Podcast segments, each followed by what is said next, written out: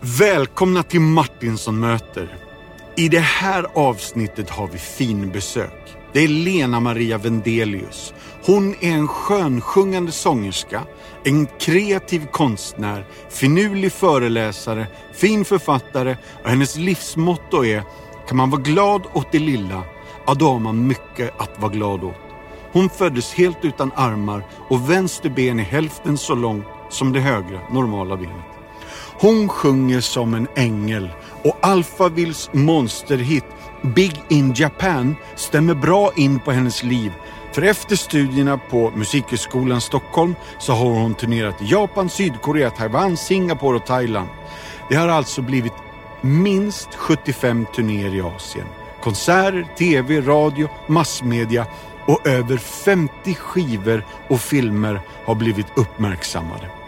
Lena Maria berättar i dagens Martinsson möter om kungliga möten, medalj av den åttonde graden, från kungahuset och motiveringen löd för framstående gärning som artist och idrottskvinna samt som förebild för människor med handikapp inom och utom Sverige.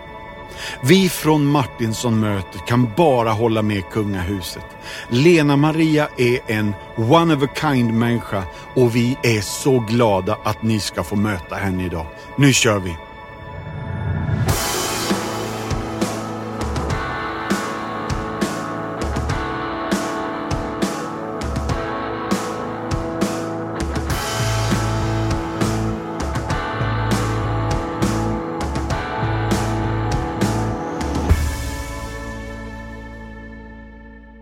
Hörni, nu är det dags för mig att hälsa dagens gäst, Lena Maria Vendelius. Jättevarmt välkommen hit! Tack så jättemycket! Otroligt roligt att det här gick och att vi är här nu. Ja, verkligen. Jag tänkte köra tio snabba. Är du lite beredd? Ja, Mm, här kommer den första. Om du kunde välja att göra vad som helst, vart som helst, ett helt dygn, vart skulle vi hitta dig då?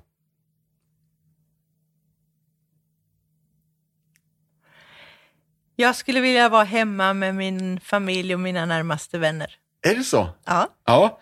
Ska det vara vinter eller ska det vara vår eller sommar eller höst? det ska vara i början på hösten. Ah, vad mysigt. Du, eh, har du någon för allmänheten dold talang? Kan du sluka svärd eller busvissla eller sådär? Jag vet ju inte om de är dolda. Nej? Men jag tycker jag är väldigt bra på eh, sudoku. Och så Ja. handarbetar jag ju mycket och stickar. Underbart! Det är ju sånt som kanske inte syns Nej. så väl. Nej? Eller så. Ja. Vad var det värsta jobbet du någonsin har haft? Det kan vara ett sommarjobb eller ett tråkigt jobb eller ett tradigt jobb. Jag har aldrig haft något tråkigt jobb. Är det sant? Ja. Grattis! Men jag har ju aldrig varit anställd. Nej, men du, vet du, Roland Utbult till exempel, han hade ju gått och burit sådana här toaletthinkar på öarna och vi bara, ja, vi vill inte höra mer. ja, Ja, nej, jag kan inte påminna mig om något tråkigt. Så. Det har jag säkert varit med om, men det har jag förträngt. ja, men det, Ja. vilken god förmåga. Ehm, om du omedelbart skulle kunna bli en expert på något, vad skulle det vara? Expert. Jag skulle vilja vara expert på olika språk. För det Ja. är nog det jag saknar mest. Ja. Är det några språk som hägrar sådär? Ja, japanska, kinesiska och spanska och portugisiska. Och lite franska, men kanske och lite italienska. Ja, lite tyska. Men du, nu går jag händelserna lite i förväg, men jag skulle säga, du sjunger ju på många av de här språken. Ja, det gör jag, men det är en helt Ja. annan sak. Då Okej. behöver man ju inte veta vad man sjunger. Det, huvudsaken är att de som lyssnar vet. Ja. Ehm, då blir nästa fråga jättespännande här faktiskt. Om du kunde gå med i något tidigare eller ett nuvarande popband, vilket hade det varit? Oj. Du hade fått Man har ju inte ens själv. tänkt så. Eh, Tänk om Adda, Abba nej, jag, hade nej, behövt men jag en skulle nog vilja medlem. bli eh, duettpartner med Stevie Wonder, tror jag. Yeah. Det är nog det jag hade velat mest. Ja. Ja. Men jag hade inte platsat, men det är en annan sak. Men det, det, det, det ingår i frågan. Man Ja, får svara hur man får vill. drömma. Har du något favoritminne från barndomen eller tonåren som du kan dela med oss? En sommar då du badade Jo, hela... ett favoritminne när jag var liten eller jag var barn, eller Ja. ja. vad kunde ha varit? Gått i mellanstadiet kanske. Eller hela min uppväxt var det i princip. Men det var en sommar, då var det riktigt fint väder och då var det så torrt så att vi bodde precis vid en eh, damm och där kunde de justera höjd, liksom höjden på ni- vattennivån. Så att i slutet på sommaren så, så sjönk vattennivån då när det var varma somrar. Och då låg vi på flyt, jag vet inte, luftmadrass och flöt på vattnet. Ja. Och så precis vid, vid strandkant, eller vid, ja det var ingen strand, det var ju liksom skog som slutade och sen var det sjö. Och där under så liksom gröptes det ur under eh, där vattnet hade varit och där växte det kantareller upp och ner. Som vi plockade åt. Ja, Det var roligt. underbart. Fy, vilket gött minne. Ja. Eh, Med den livserfarenhet som du har nu, vilket råd skulle du ge ditt 18-åriga jag?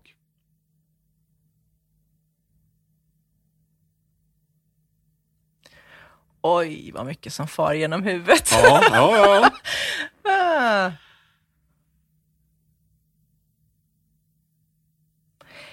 Jag skulle nog säga till mig själv att tro att det jag kan är bättre än vad jag har trott. ja. Åh, vad gött. Tror jag. Och det skulle nog många 18-åringar behöva höra. Ja, för när man är i de där åren efter, efter liksom 18 och början på 20 och 21, och, då börjar man ju göra det man jobbar med och sin, sin liksom yrkes, sin profession eller vad det nu är, alla fall i mitt fall. Och jag trodde ju aldrig att det var bra. Jag gjorde det bara för att, jag sjöng ju till exempel bara för att alla ville att jag skulle sjunga, men jag tyckte inte att det var bra. Men vännen. Ja, men det är intressant att man tänker så. Ja. Ja. Ja. Och det är ju kanske också lite vem man umgicks med och hur, vilka man musicerade med och, Ja. och så också. Hmm. Men eh, det skulle jag nog vilja kanske haft med mig, eller sagt till mig själv då. Japp. Ja. Mm. Tack för att du delar. kan du minnas den första konserten du var på och den största konserten du har varit på? Inte alltså då i publikmängd utan i musikalisk upplevelse. Så det är egentligen två frågor. Den första var, Den första var din, din första jaha, konsert. min allra första konsert. Ja. Det kommer jag inte ihåg. Eller gör jag det? Alltså man hade ju så små konserter i kyrkan och så när man växte upp, men jag kan ju inte komma ihåg vilka som var den första. Nej men om det var något, någon liksom... Men det var ju då som, liksom när man var tonåring, det var ju då Skandinavium kom och, Ja. och de här stora grejerna. Det Just var ju det. roligt Ja. och häftigt. Och så. Och du lyssnade på Per Karlin. Nej, det gjorde jag. Ja, men no. Koinonia. Var det inte liksom... Jo, det var det väl Ja. också. Jag kom, alltså, mitt minne är ingen bra. Ja, men det är bra. Yes. Men det var, och sen var det väl, det var ju de här eh, Williams åsna vet jag att jag var på. Ja. Och eh, vad var det mer? Ja, det var ju flera olika Ja, grejer. Var det ju. gött. Fast man inte kommer ihåg riktigt. Och, och den största konserten då, fast inte i publikmängd utan i musikalisk upplevelse där du kände att åh, vad fint. Ja, det var faktiskt i skolan. När jag, var, när jag gick i högstadiet. Ja.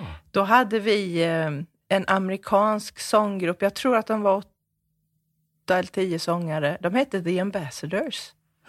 Eh, och de reste runt i Sverige, tror jag, för att evangelisera, men jag vet inte. Men eh, de kom till våran skola i alla fall och så hade de en konsert för oss. Och jag var så imponerad. De sjöng a cappella tillsammans. Och jag var så imponerad att man kunde sjunga så. Och framförallt hon som sjöng högsta sopranen. Det har nog satt sån här, det var sån här riktigt musikaliskt, sån, in, eh, upplevelser som har, som har liksom inpräntat sig Ja. sådär riktigt. Åh, vad fint. Fast, ja, fast sen har man ju varit med om massor med häftiga konserter, det är inte det. Mm. Och, och jättemånga upp- upplevelser såklart. Men det Ja. där var något sånt där som etsade sig fast riktigt. Det förstår jag verkligen. Speciellt när man blir imponerad över folk som klarar sig utan instrument. Jag skulle Ja. inte våga. Nej, det är häftigt Ja. faktiskt. Verkligen. Jättefint. Ehm, har det hänt dig någonting någon gång som du inte kunde och kanske fortfarande inte kan förklara? Som ett under eller ett tecken eller ett mirakel? Ja.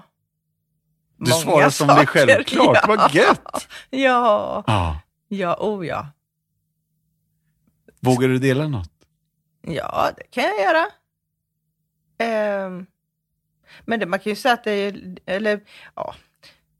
Nej men jag var ju väl, vi kan ju ta det senaste då, jag var väldigt inställd på att jag inte skulle leva med någon man mer. Det var jag helt inställd på. Jag ville inte träffa någon. Nej. Eh, Men min mamma då när jag skilde mig 06 så sa hon efter några år att du ska veta det att jag ber för dig varenda dag att du ska träffa en ny man. Ah.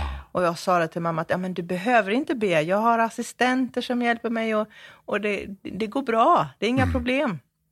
Ja, men, men jag, jag vill att du ska träffa en man som kan vara dina händer, precis som jag varit dina händer och så. Och ehm, ja, jag tänkte inte så mycket mer på det, mer än att jag ber du om du har lust, typ. Mm. Eh, Men sen så eh, finns det ju andra mammor som ber för sina söner också. Ja. Och Puttes mamma har ju bett hela livet för honom att han ska träffa någon. Han har aldrig levt i någon relation och aldrig haft någon relation så. Och, och sen så när vi träffades då så upptäcker vi att vi är så lika och att man kan få uppleva, alltså det är som en film. Mm. Så vi säger att det är verkligen match made in heaven. Ah. Det, det, är, det, är, det är ett mirakel, skulle jag vilja säga, att vi Ja. träffades. Och att eh, är det är konstigt. Åh, vad fint. Och Ja. tack för att du delar och hoppas Putte lyssnar nu. ja. Nu kommer de sista av de här första tio. Mm. Om du kunde dela en lång trerättersmiddag med fyra individer som är nu levande eller sedan länge döda, vilka fyra skulle du välja då? Ja, Det var en väldigt bra fråga. Tack, vad kul! Jag har ingen aning. Oj, vad svårt. Mm. Det är meningen. Mm, jag får tänka lite va? Mm. Fyra personer.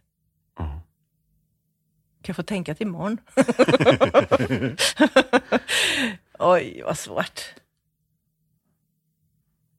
Jag skulle vilja ha eh, David som har skrivit Saltaren. Ja. Skulle jag vilja ha. Vilja. Herdepojken David som blir kung. Ja, precis. Mm. Om man tänker nutid, tänker jag, vem vill man träffa då? Nej, men det här var jättesvårt. Och kul att det Men är jag har det. aldrig tänkt på det. Det skulle man egentligen göra, för de har ju det på Café Umeå. Då Mm. ska man sitta med fyra stycken. Ja... Det känns som man har glömt någon hela tiden.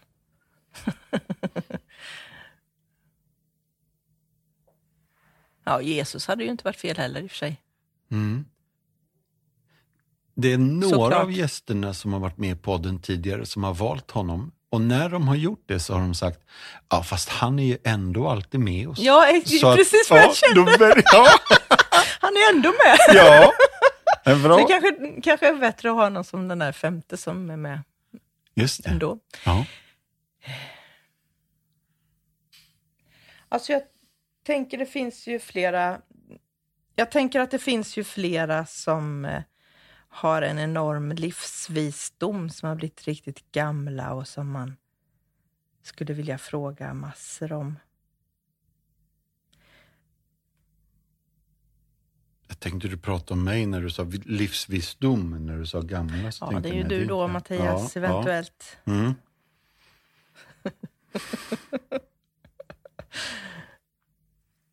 Martin Luther vore kul att träffa. ja. Och det hade varit jättespännande med honom och David vid bordet. Ja, eller hur? Ja, visst. Vilka diskussioner. Ja, jättebra. Ja. Mm.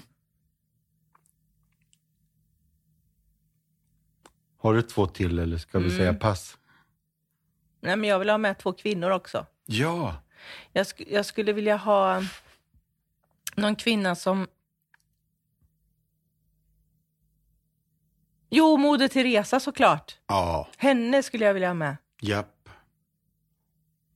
Så intressant. Riktigt bra kombo med dem. Ja. Mm. Jag skulle nog vilja ha med våran drottning också. Ja, Ja. underbart. Mm. Herdepojken David. Eh, vad var, vem var tvåan nu då? Martin Luther. Mm. Och sen så har vi Moder Teresa Mm. och så drottning Silvia. Mm. Det är en jätteskön kombo. Ja, det är mycket Ja, jag höll på att fråga, och vad skulle ni äta? Men det är faktiskt inte nästa fråga. Nej. Utan nästa fråga är 28 september Ja. 1968. Ja. Vad hände då? Då föddes jag, bland annat. Sen Ja. vet jag inte så mycket mer om den dagen. Nej, men det är ju dig jag frågar och för dig är ju den dagen ganska viktig får vi ändå säga. Ja, Ja. då fick jag komma till liv. Ja. Eller ja, jag fick ju livet tidigare, men jag fick komma ut i... Ja. Men eh, eh, var? Här i Jönköping? Ja, Ja. jag föddes på det gamla Västra sjukhuset här i Jönköping. Japp. Mm. Ehm, om man kollar dina bostadsorter på din Facebook så står det bara två.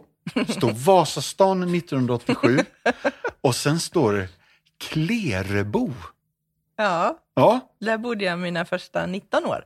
är det så? Alltså, jag inte precis i början. Första två åren bodde jag i en lägenhet i Habo Ja, medan mamma och pappa renoverade huset som vi sen flyttade till i Klerebo som ligger i Bankeryd utanför Jönköping. ja det var ju nästa fråga här. Mm. Så Klerebo är lite utanför Bankeryd Ja. och där växte du. Ja, och då bodde vi då vid den här dammen, Klerebodammen, där vi plockade kantareller upp och ner. Ja, Och eh, gränsen mellan Habo och Bankeryd gick i den här dammen. Så att vi bodde i Habo i Skaraborgs län var det på den tiden och eh, Västergötland. Och sen hade vi brevlådan vid Stora vägen på andra sidan dammen. Och där var det postadress Bankeryd och där var det Småland och Jönköpings län just det. Och kommun. Så eh, gr- gränsen gick ju däremellan hela min uppväxt. Så att vi fick åka till sjukhuset i Skövde till exempel, när vi behövde åka till sjukhuset. Dit var det åtta mil och till Jönköping var det en. Så det var ju annorlunda då.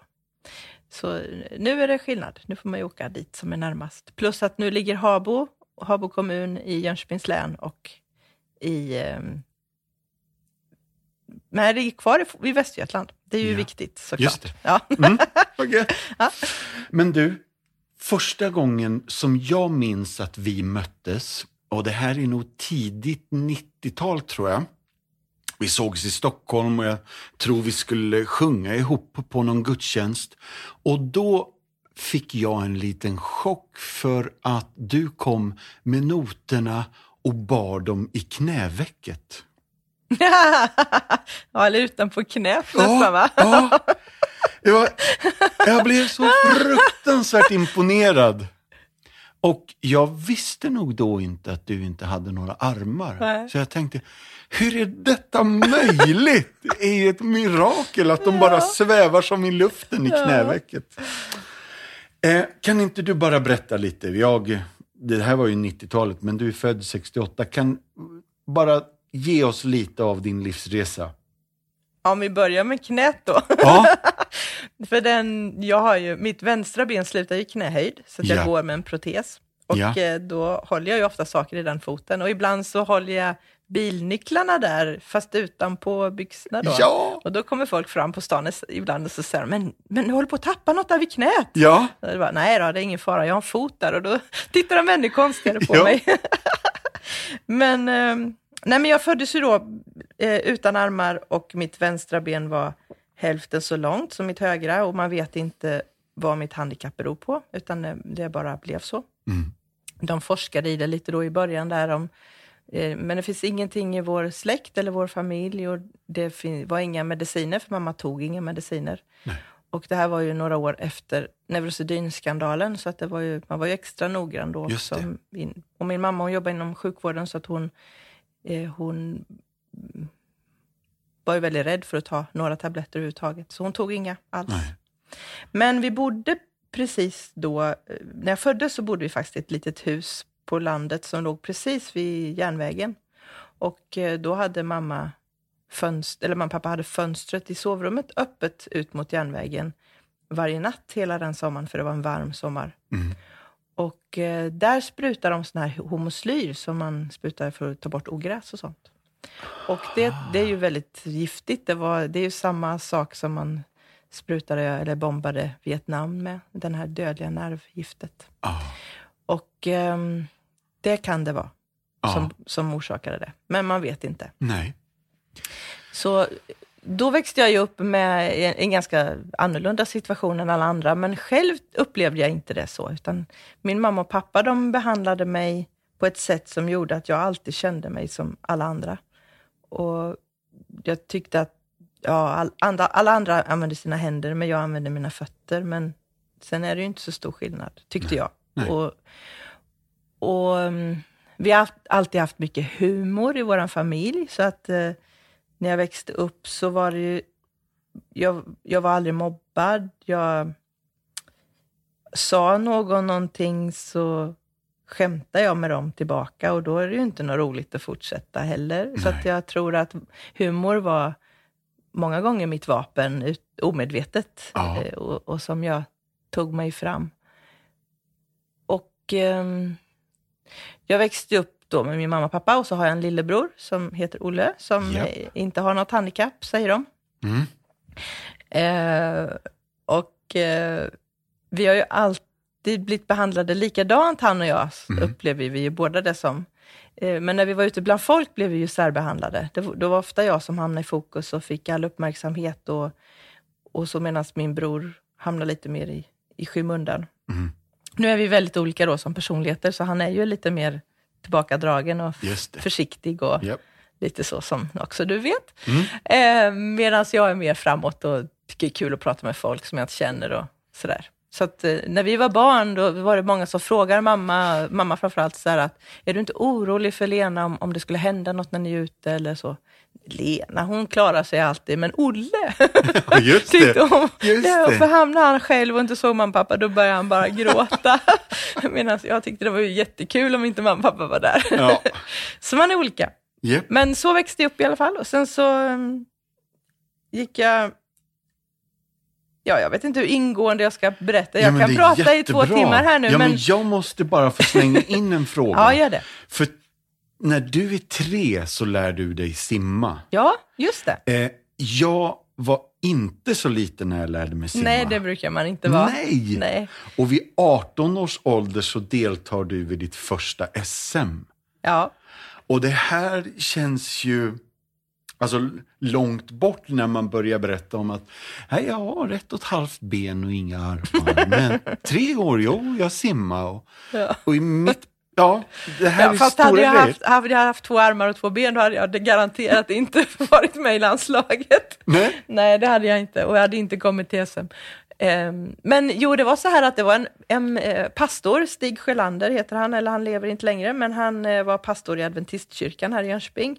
Och de fick en son som, hade en, som fick en CP-skada. Och då drog han ihop några familjer här i Jönköping som, som hade något barn som hade ett handikapp, som man sa på den tiden. Jag föredrar ordet handikapp. Eh, jag ber om ursäkt till alla som inte tycker så som jag. Japp. Men eh, i alla fall, och då träffades vi alla, alla familjer och alla, alla barn och även de då med olika handikapp. Och så lekte vi och blev vän med vattnet och var tillsammans Ja. i, på Västra sjukhuset i deras varma bassäng. Så vi gjorde såna här följa John och kaffekokaren och lekte massor och så höll mamma och pappa i oss. Och då hade Stig och Marta Sjölander fått eh, reda på en metod som de använde i England som heter Hallowick-metoden. Och den gick ut på att man använde inga flythjälpmedel utan det viktigaste var att, att någon som man litade på höll i en som barn och att man verkligen fick bli vän med vattnet och lära sig att, att flyta och sen att simma. Och, och, liksom, och vattnet blev ju mitt element. Jag känner mig ju helt fri när jag är i vatten. ja. Eh, där, där kan man ju... Och jag flyter som en kork. Min pappa han sjunker som en sten, men jag flyter som en kork. Mm. Så det var det svåraste för mig i simningen när man skulle ta såna här simmärken, det var ju att simma under vattnet länge. För jag, kom in, jag fick ju kämpa för att simma neråt, neråt, neråt hela Ja. tiden. Så. Hmm. så så var det allt startade. Ehm, 1988 så är ju du med i, i, i VM. Nej, 86. År 86? 86 var det VM, 88 Ja, men var du. det... Höjdpunkten i Ja. din simkarriär. Det var handikapp-OS. Just det. Eller Paralympics som det heter idag. Japp. Det här är ju helt otroligt. Eh, hur, hur var det nu? Hjälp mig med medaljerna. ja, Ja, jag har inte någon OS-medalj. nej. Och det har inte David Lega heller, men vi har båda blivit invalda som hedersmedlemmar i Guldklubben. Det är Ah. väldigt roligt. Ja, det känns som att liksom man är med på nåder där. Ja. Men det är väldigt roligt. Men vi har inte tagit någon, eller jag har inte tagit någon medalj i OS. Mm. Eh, men däremot två år tidigare, då, 86, då var jag med i min första stora internationella tävling när jag hade precis kommit med i landslaget. Och då tog jag två guld och två världsrekord som faktiskt står sig än idag Ja. och ett brons. Och sen året därpå, då var det EM i Paris och då tog jag fyra guld. Och sen så var det handikapp-OS då i Seoul i Sydkorea 88. Och då blev det fyra, femma och sexa kom jag då. Ja. Och det här var ju innan vi lärde känna varandra och träffades. Eh, Men jag har hört att du gick på Per Brahe-gymnasiet 84-87. Ja, stämmer bra. Ja, lunchbrickan mot hakan och så bara... Och under den tiden tog du körkort. Ja, det gjorde jag då när jag blev 18. Ja. Det här är sköna grejer. Det är så gött. Ehm, ja. Jag hade ju en liten permobil först, i- som jag hade då, som jag ibland åkte med hemifrån och till skolan. Men jag, eh, för mig var det ju alltid jobbigt att gå långt. Så Mm. att gå framåt, våran eh, matrestaurang låg ju en bit bort ifrån skolan. Så att, Ja. eh, på gymnasiet då. Så att, eh, då hade jag min lilla permobil och åkte emellan. Och sen så när vi var där nere i, i den här källarlokalen med, mat, med alla mattanter och sådär, så bar jag min bricka på axeln. Japp. Eh, och sen så när jag dricker, då, då tar jag ju glaset med mina tänder och så, och så dricker jag utan att hålla i det. Och det fick ju mina klasskompisar en dag för sig att det måste de med och testa.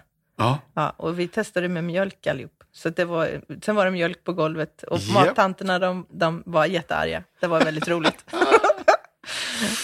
Ehm, och från Per Brahe så ser jag det som i mina papper i alla fall. 87-91 Stockholm, Kungliga högskolan och du bodde ganska centralt va?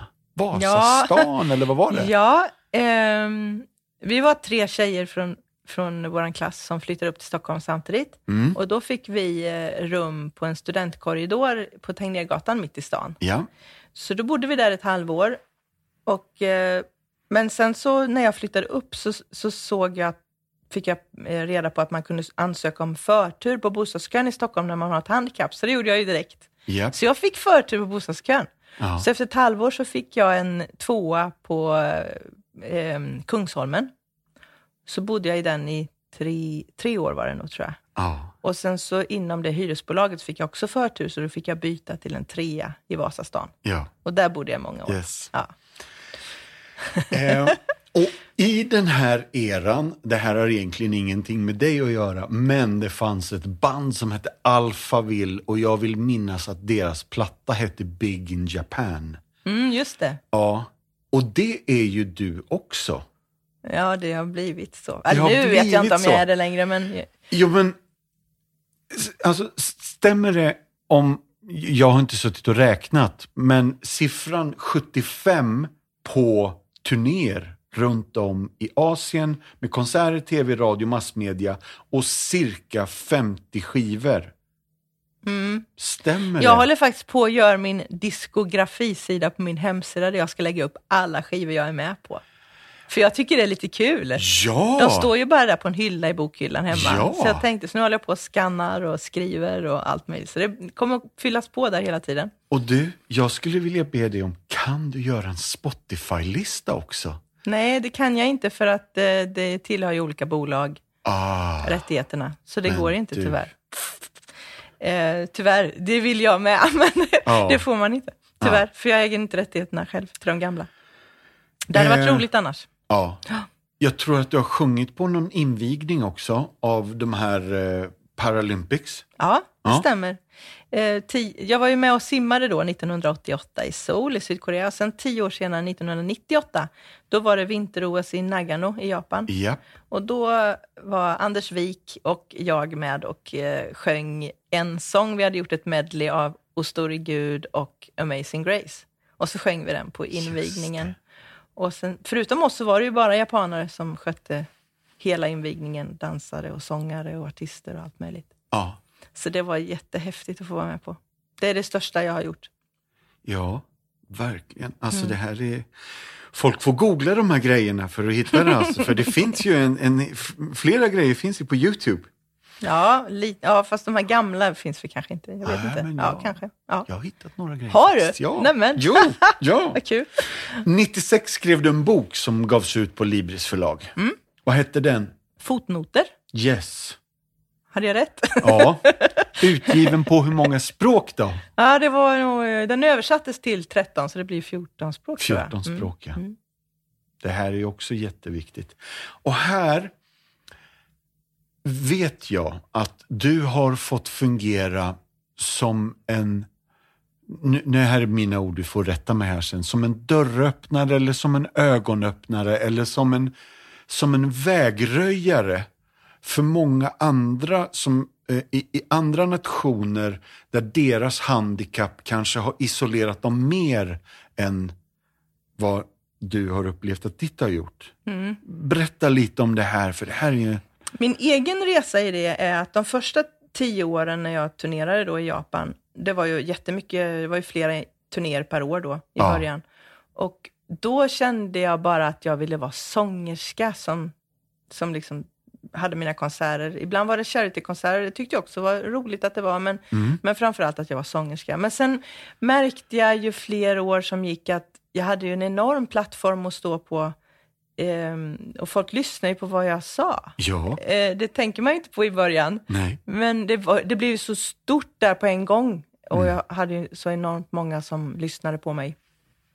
Och så då efter tio år, då kände jag lite att jag ändrade fokus och började tala mycket mer om mänskliga rättigheter och människans unika värde och, och mycket av det jag tycker och tror och tänker utifrån också min kristna tro. Mm. Eh, där är ju kristna i en väldigt liten minoritet. Eh, och eh, det är ju mest buddhism i Japan och shintoism. Och där är det en enorm hierarki mellan människor. Man har olika värde och man har olika position. Och det är självklart att det är så. Det genomsyrar hela samhället och alla strukturer. Och så kommer jag och säger att jag tror att alla människor har samma värde. Och folk tycker man ju är knäpp när man säger det. Ja. vilket- Som vi tycker är självklart. Ja, Och det är ju så i, i de flesta länder att man tänker inte så. Om det inte är eh, kristna länder. nej. Men i Asien så är det väldigt mycket, framförallt buddhism, eh, men även andra religioner, där, där man ska prestera och där man ska nå långt och där man ska, ja, där man behandlar varandra olika beroende på vilken, till exempel bara det här att man byter visitkort i Japan, Ja. det är egentligen inte för att veta vad den andra heter, utan det är för att veta vilken titel den andra har, så man vet hur djupt man ska buga och hur artigt man ska tala. För är man under någon, då talar man artigare och bugar djupare. Och är det tvärtom, så är det tvärtom. ja, Så där, eh, och där placeras jag då ofta på en pedestal, eftersom jag enligt den buddhistiska seden har jag ju levt något hemskt liv i mitt förra liv, eftersom jag föddes med mitt grava handikapp. oj hjälp. Och, därför, och nu då när jag har klarat liksom att övervinna allt, jag, jag klarar att bo själv och göra allt själv och försörja mig själv och, och sådär, som för dem är en, en osannolik tanke för handikappade. För som handikappad, generellt sett, det finns undantag, men generellt sett så bor man på en institution långt utanför stan någonstans och ingen del av samhället. Just det. Jag var med som talare på en konferens för, för några år sedan eh, som ordnades där rubriken var How to make challenged people become taxpayers. Alltså hur man får människor med ja, typ handikapp då Ja. eh, bli skattebetalare. Ja. Och för oss låter ju det hemskt. Ja, Men för dem innebär ju det, det skulle vara det mest fantastiska därför att då blir man en del av samhället. just det, just för man det. har en lön och man betalar skatt. Ja. Och man är en del av samhället. Men, eh, och då var ju då var de flesta ministrarna där, premiärministern skulle varit med, men det var precis då som Korea fick, eh, Nordkorea fick för sig att skjuta raketer över Japan. Så Japp. att han kunde inte vara med. Men eh, det var ett väldigt stort sammanhang. Det var en talare från Vita huset som jobbar med eh, handikappfrågor i USA. Och så var det en man från Thailand som också jobbar politiskt med handikappfrågor där. Och så var det jag. Så vi var tre huvudtalare där. Så Ja. det var jätteroligt spännande att vara med på.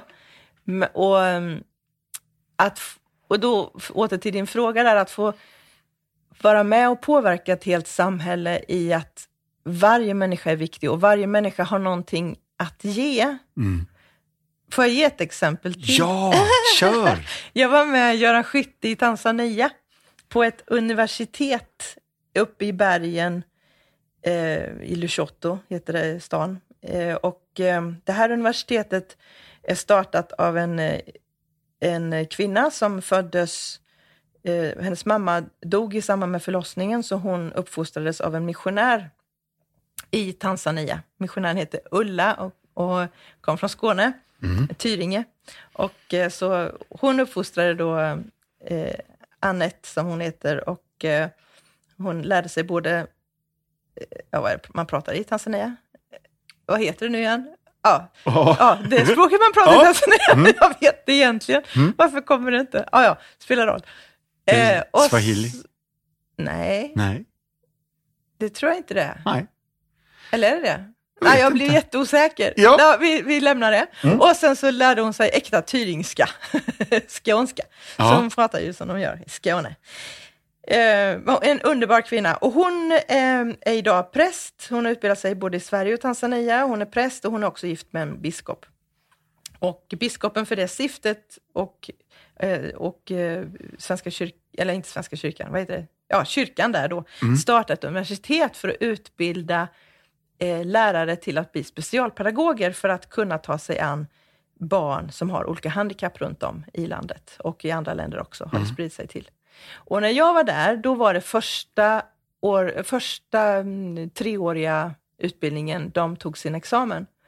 Och sen var det ju två andra eh, årskurser där då också, som jag hade föreläsning för. Och bara de var 3000 personer. Och nu har det vuxit ännu mer, så det är ett enormt universitet. Ja.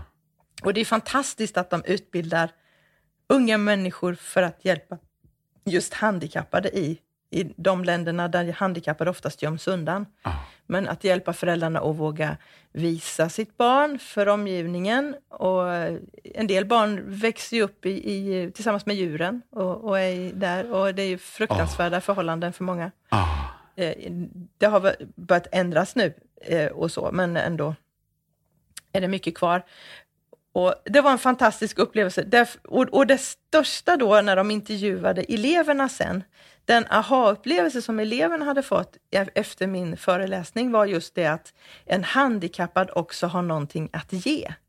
Och det tycker jag är ju självklart.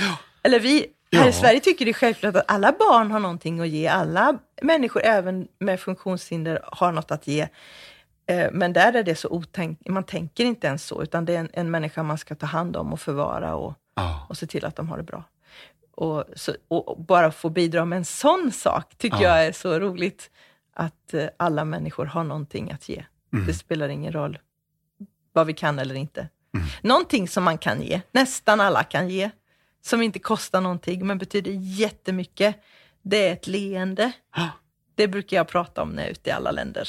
Det är bra. Jag tycker vi skulle skapa en sån här, eh, de har ju den här, eller som en leendets dag, när alla ler mot varandra. Yeah, är bra.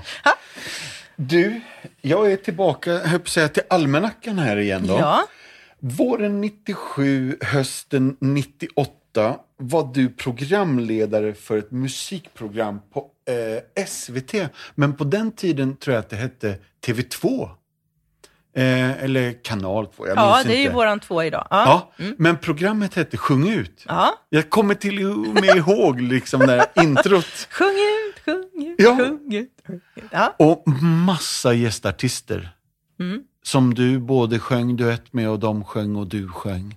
Och det här fick ett otroligt genomslag. Jag tror det sändes på söndagskvällar. Mm, ja, ja, jag kommer inte ihåg, men det det något så sånt var det. där? nog. Mm. Kommer du ihåg några av gästerna? Sigvart Dagsland, Hasse Kvinnaböske Andersson.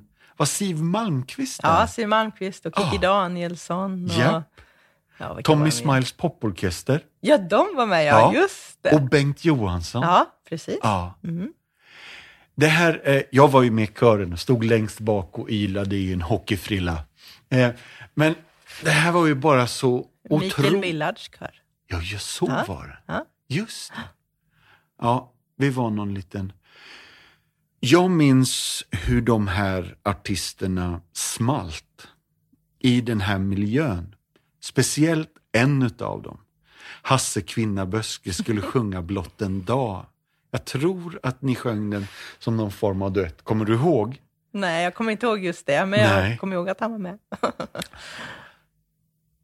Jag tror att han bara berättade lite förbifarten. För det här är liksom någonting av att du skapar en atmosfär kring dig där människor kommer loss. Så jag minns att både han och Monica, hans fru, gick runt där och grät hela dagen och bara tyckte det var mysigt alltihopa. Och så berättade han om hur han aldrig blev konfirmerad. Så när han eh, gjorde lumpen senare så fanns det någon lumpenpräst där. Och han tänkte, jag är ju aldrig konfirmerad så nu gör jag det. Och sen blev det konfirmation och han bjöd in alla sina lumpenkompisar och då sjöng de blott en dag. Jaha. Och så körde vi den. Ja. Minns du? Nej, Nej, det är jättekul för att höra. För jag, jag bara, du, när du säger det här med leende eh, och den här dagen som vi ska instifta. Ja. Eh, det, det här är ju i din person, det här är ju ditt DNA, det här är ju vad du ger till folk, till världen. Men det måste ju finnas andra dagar också. ja, Ja. det gör det. Ja, Fast jag är oftast glad. det är så. Ja, alltså, jag tror ju, vi har ju olika personligheter, alla Ja. Mm. vi människor, hur vi är och så. Och jag har aldrig behövt jobb. Jag har aldrig tyckt att det är svårt att vara glad. Jag tycker det är svårare att vara sur, för det är så jobbigt. Ja. Eller så. Ja. Medan andra tycker tvärtom. Men eh, Ja. vi är ju olika där alltså. Och jag har, jag har så lätt att, att vara glad. Jag, jag blir irriterad och stressad och sur när jag är för trött. Japp, Blir jag. det blir jag med. Ja, det blir väl de flesta kanske. Ja. Eh, Så jag har enorm, jag sover mycket, Japp. för då mår jag som bäst. Jag sover nio timmar, nio, tio timmar per natt. Och då så mår jag bäst. Ja. Januari 2008, minns du någon händelse den månaden som kändes extra intressant? Januari 2008. Mm. Oj, oj, oj. Jag kan säga att du har Jag nämnt har- hans fru redan. Jag har nämnt hans fru. Mm. det var jättekul! Jag har min pappas minne. Ja. Vi kommer inte ihåg något vad som har hänt. 2008 i januari. ja. Vill du ha en ledtråd till? Ja. Åttonde storleken. Jaha. ja, det var det ja. Ja. Ja, jag fick ta emot medalj av kungen. Ja. Ja, och drottningen. Ah. Mm, hon var med också. Ja, men du. Så rent principiellt kan du bara ringa och säga Silvia, minns du? Vi sågs ju för 12 år sedan. Ja, men vi har Nu träffats flera för- gånger. Ja. Ja. Förstås. Ja. Hon, hon var, får jag berätta en liten Ja söt men händelse? kör, det är jättegött. Eh, jag fick följa med, eh, vi hade ju eh, Minno Akhtarzand som landshövding här i Jönköping när jag flyttade ner till Jönköping. Och då, när kungen firade 40 år på tronen så fick landshövdingarna i Sverige ta med sig några utav länets, eh, eh, de fick välja ut fyra, fem stycken som de tog med på middag. Och då valde Minno mig. Så jag fick följa med tillsammans med, Eh, vi var några stycken. Eh, och eh, då, eh, när vi var uppe i Stockholm, jag har, jag har mött kungaparet vid några tillfällen. Jag har sjungit för dem vid något tillfälle och jag har träff, träffat dem. Så, och det är, mm, efter att det här första tv-programmet gjordes om mig så skrev drottningen en hon var initiativtagare till och skrev förordet till en bok om svensk handikappidrott. Ja, Och så var hon i USA och skulle presentera den här boken och var med i Good Morning America och träffa presidentparet Bush. Och så. Och precis då, bara ett par månader innan, så hade det här programmet om mig visats när jag höll på att förbereda mig inför OS och, och den här Just det. dokumentären. Och det är det här målet i sikte-programmet. Ja. Ja. Så då gjorde Sveriges Television en förkortad version, en 10 minuters version och textade den på engelska och skickade med drottningen till USA. Så hon Mm. visade den också då, ihop med sin bok om svensk handikappidrott. Ja. Och sen när hon kom hem därifrån, då ville hon väldigt då fick jag audiens hos drottningen. Då ri- ringde Gert Engström till mig och så sa han, hej jag heter Gert Engström. Och jag bara, åh det där är ett namn, man borde veta vem det är. och sen så sa han, ja du har fått audiens hos drottningen. Jag hade ingen aning om vad audiens var. så jag bara, ursäkta men vad är audiens? Ja. Så och så blev jag bjuden till slottet då. Så fick jag åka dit och så var jag där tillsammans med med Sven-Erik Frick och Henrik Burman som hade gjort den här dokumentären om Just mig då på SVT. Så då åkte vi dit alla tre och fick träffa drottningen privat och så träffade vi henne en halvtimme. Eh, men i alla fall, så att då, när vi var uppe nu då på den här 40-årsmiddagen, när kungen firar 40 år på tronen, så började ju med att alla gäster får hälsa på kungaparet och även Victoria och eh, Daniel var med. Och gången dessförinnan jag hade träffat drottningen, då, då, var det, då hade vi en i, då var vi medverkande på en gudstjänst i biblioteket för, för hovförsamlingen. Och då var kungen och drottningen med också. Och då i samband med den, då satt jag vid drottningens bord och då så sa drottningen det att någon gång så önskar jag att du fick träffa min dotter. Ni är så lika. Ni skulle nog ha, det var väldigt roligt för er att få träffa varandra, lära känna varandra. Så, Ja. Ungefär som jag inte visste vem det var. ja, just det. Just det. Så det var jättekul. Och sen så då kom vi där och så skulle vi hälsa på den här middagen då. På kung, först eh, hälsar man på kungen och sen hälsar man på drottningen och både kungen, ja men vi, vi har ju setts förr, sa kungen och gav mig en kram. Och sen Ja. så träffade jag och drottningen, åh, säger hon och så kramar hon mig.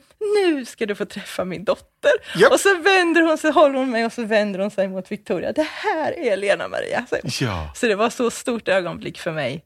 Och jättefint. eh, Daniel var där med, så jag fick träffa honom och så. Ja. Men sen har det inte blivit så mycket mer efter det. Nej.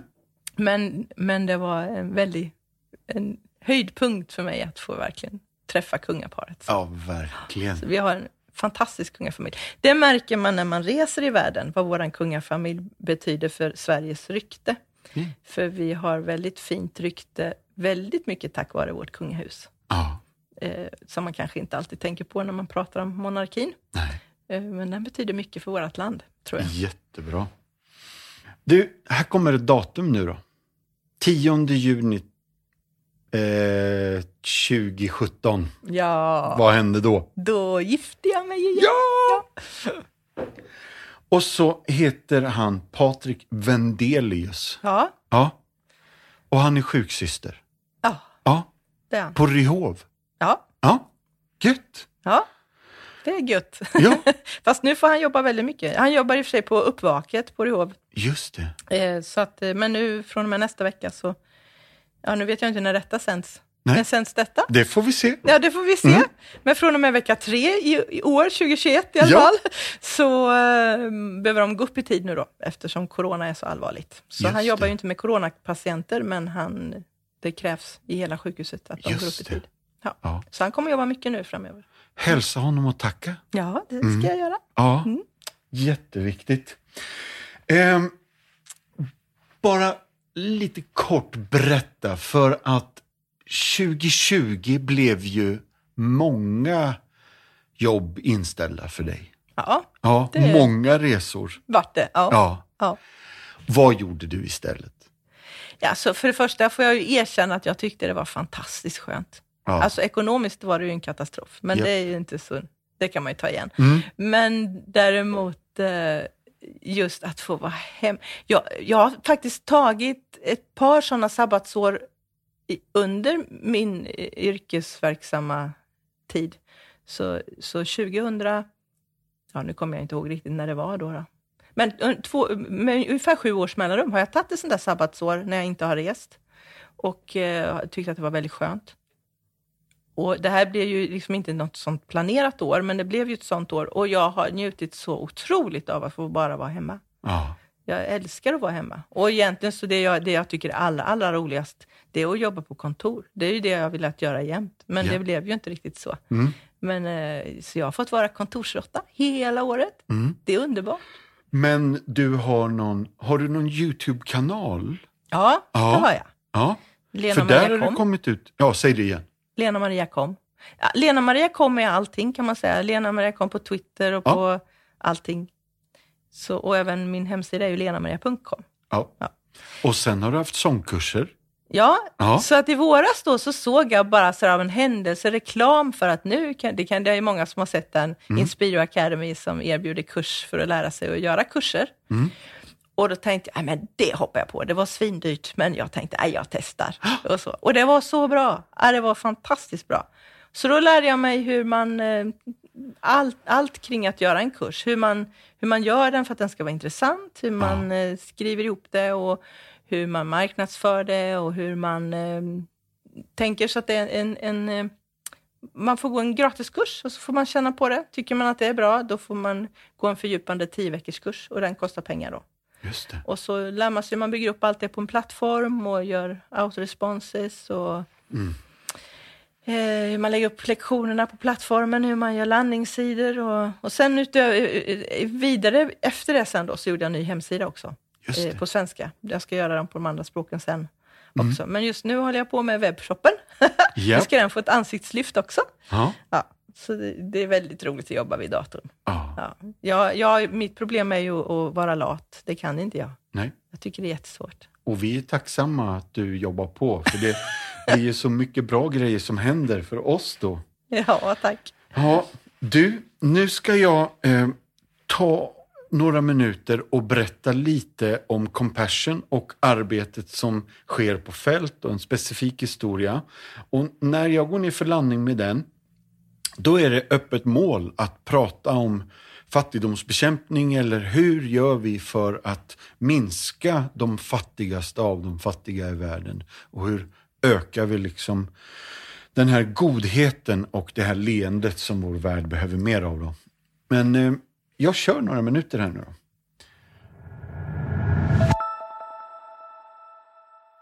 Väderprognoserna visar att cyklonen Burevi som började i Bengalbukten skulle träffa den norra och östra delen av Sri Lanka den 2 december 2020.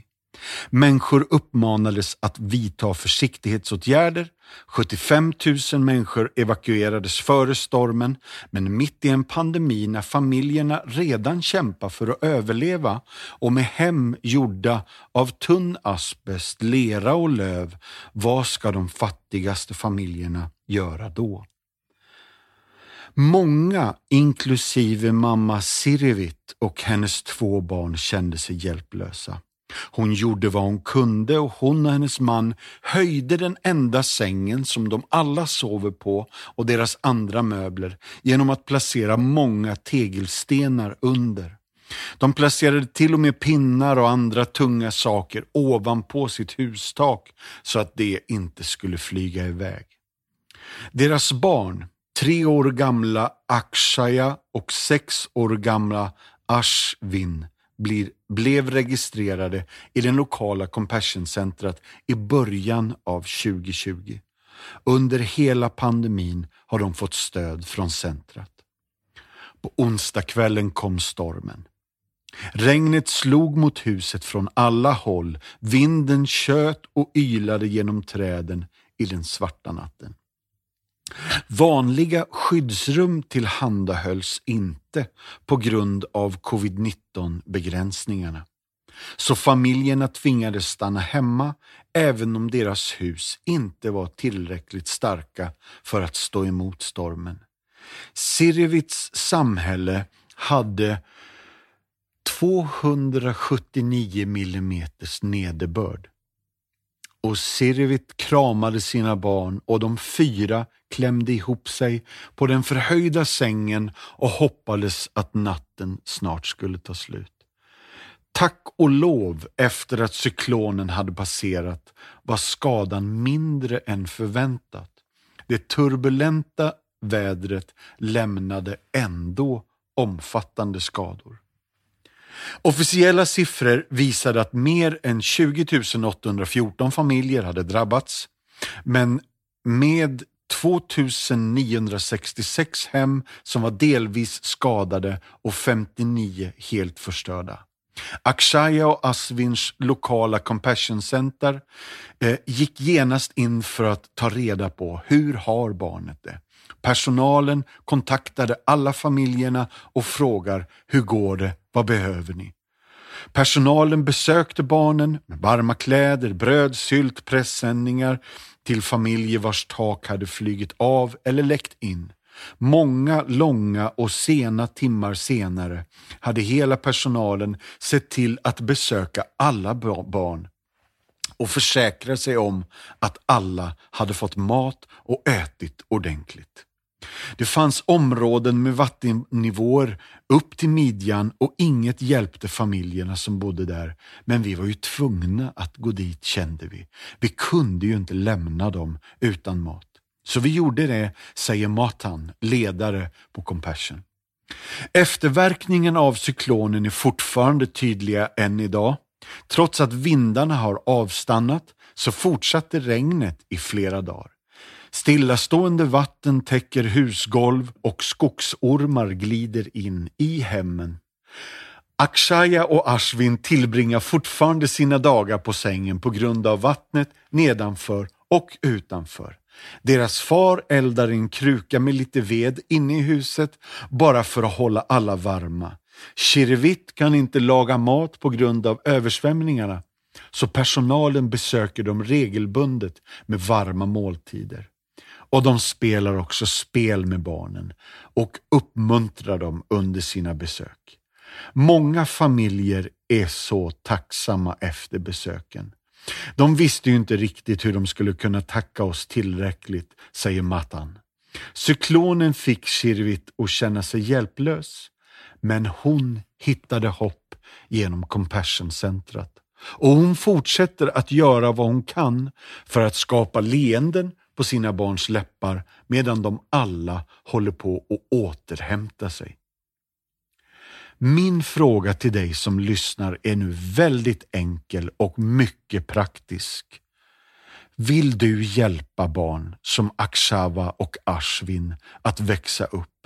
Vill du hjälpa en mamma som Shirvit att fullständigt komma loss från fattigdom genom Compassions arbete? Just nu hör du att behovet av nya faddrar är jättestort och för 310 kronor i månaden så överdriver inte vi. Du kan vara med och förvandla liv. När du understödjer ett fadderbarn, det innebär att vi jobbar holistiskt. Eh, så är det med ekonomisk hjälp, mat, kläder, skolavgift, fysisk hjälp, vaccinationer, hälsokontroller, sport och fritidsaktiviteter, social hjälp. Våra centran är fyllda av kärlek, omsorg och uppmuntran och andlig hjälp. Vi sticker inte under stolen med att vi gör det vi gör i Jesu namn. Så därför har vi åldersanpassad söndagsskola, vi sjunger med barnen och läser högt ur Bibeln. Vill du bli en fadder nu? Då kan du gå in på vår hemsida www.compassion.se. Där kan du signa upp dig direkt och bli fadder till ett barn idag. Och om du redan har ett fadderbarn, då är min enkla fråga till dig, ska du inte ta ett till? Hörni vänner, nu har jag pratat klart och Lena Maria, det där var mina tankar. Jag vet att du jobbar mycket med sådana här grejer redan. Vad, vad tänker du när du hör det här? Eller vad, ja, vad vill du säga? Jag tänker att vi här i Sverige, vi har det så oförskämt bra. Alltså ju mer man reser, ju mer förstår man hur bra vi har det. Och jag kan bli så trött på folk som klagar på små saker som för, för den individen kanske är jättestort, men om man ser världen och ser andra människors liv så är det ingenting. Mm. Och um, jag tror att ju mer man får ta del av hur människors liv är och hur, också det här att få komma i kontakt med någon vars liv man följer, alltså att man um, på avstånd lär känna en människas liv eller Just ett land det. eller en situation. Det gör också att man man får ju så jättemycket tillbaka när man ger.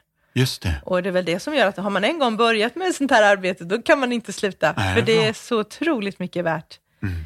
Eh, jag får ju vara ambassadör för Erikshjälpen. Mm. Och jag får vara med här i podden för, för Compassions räkning. Och sen så har jag också en egen eh, insamlingsstiftelse som eh, hjälper enskilda handikappade ut i världen.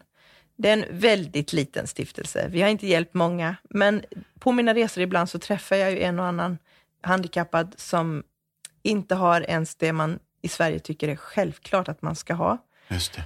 Och eh, samhället ställer inte upp på samma sätt som här. Och då vill jag, för det är så svårt att hjälpa privat, det, kost, det blir så dyrt Ja. att hjälpa privat.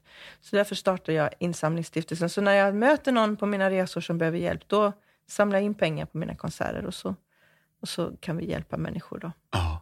Så det är en väldigt li, ytterst jättepytteliten stiftelse, men Ja, den ja. fyller sin lilla funktion. Ja, men, men är det inte lite så att vi allihopa tänker att, nej men lilla jag, vad kan jag, jag göra i det här stora då?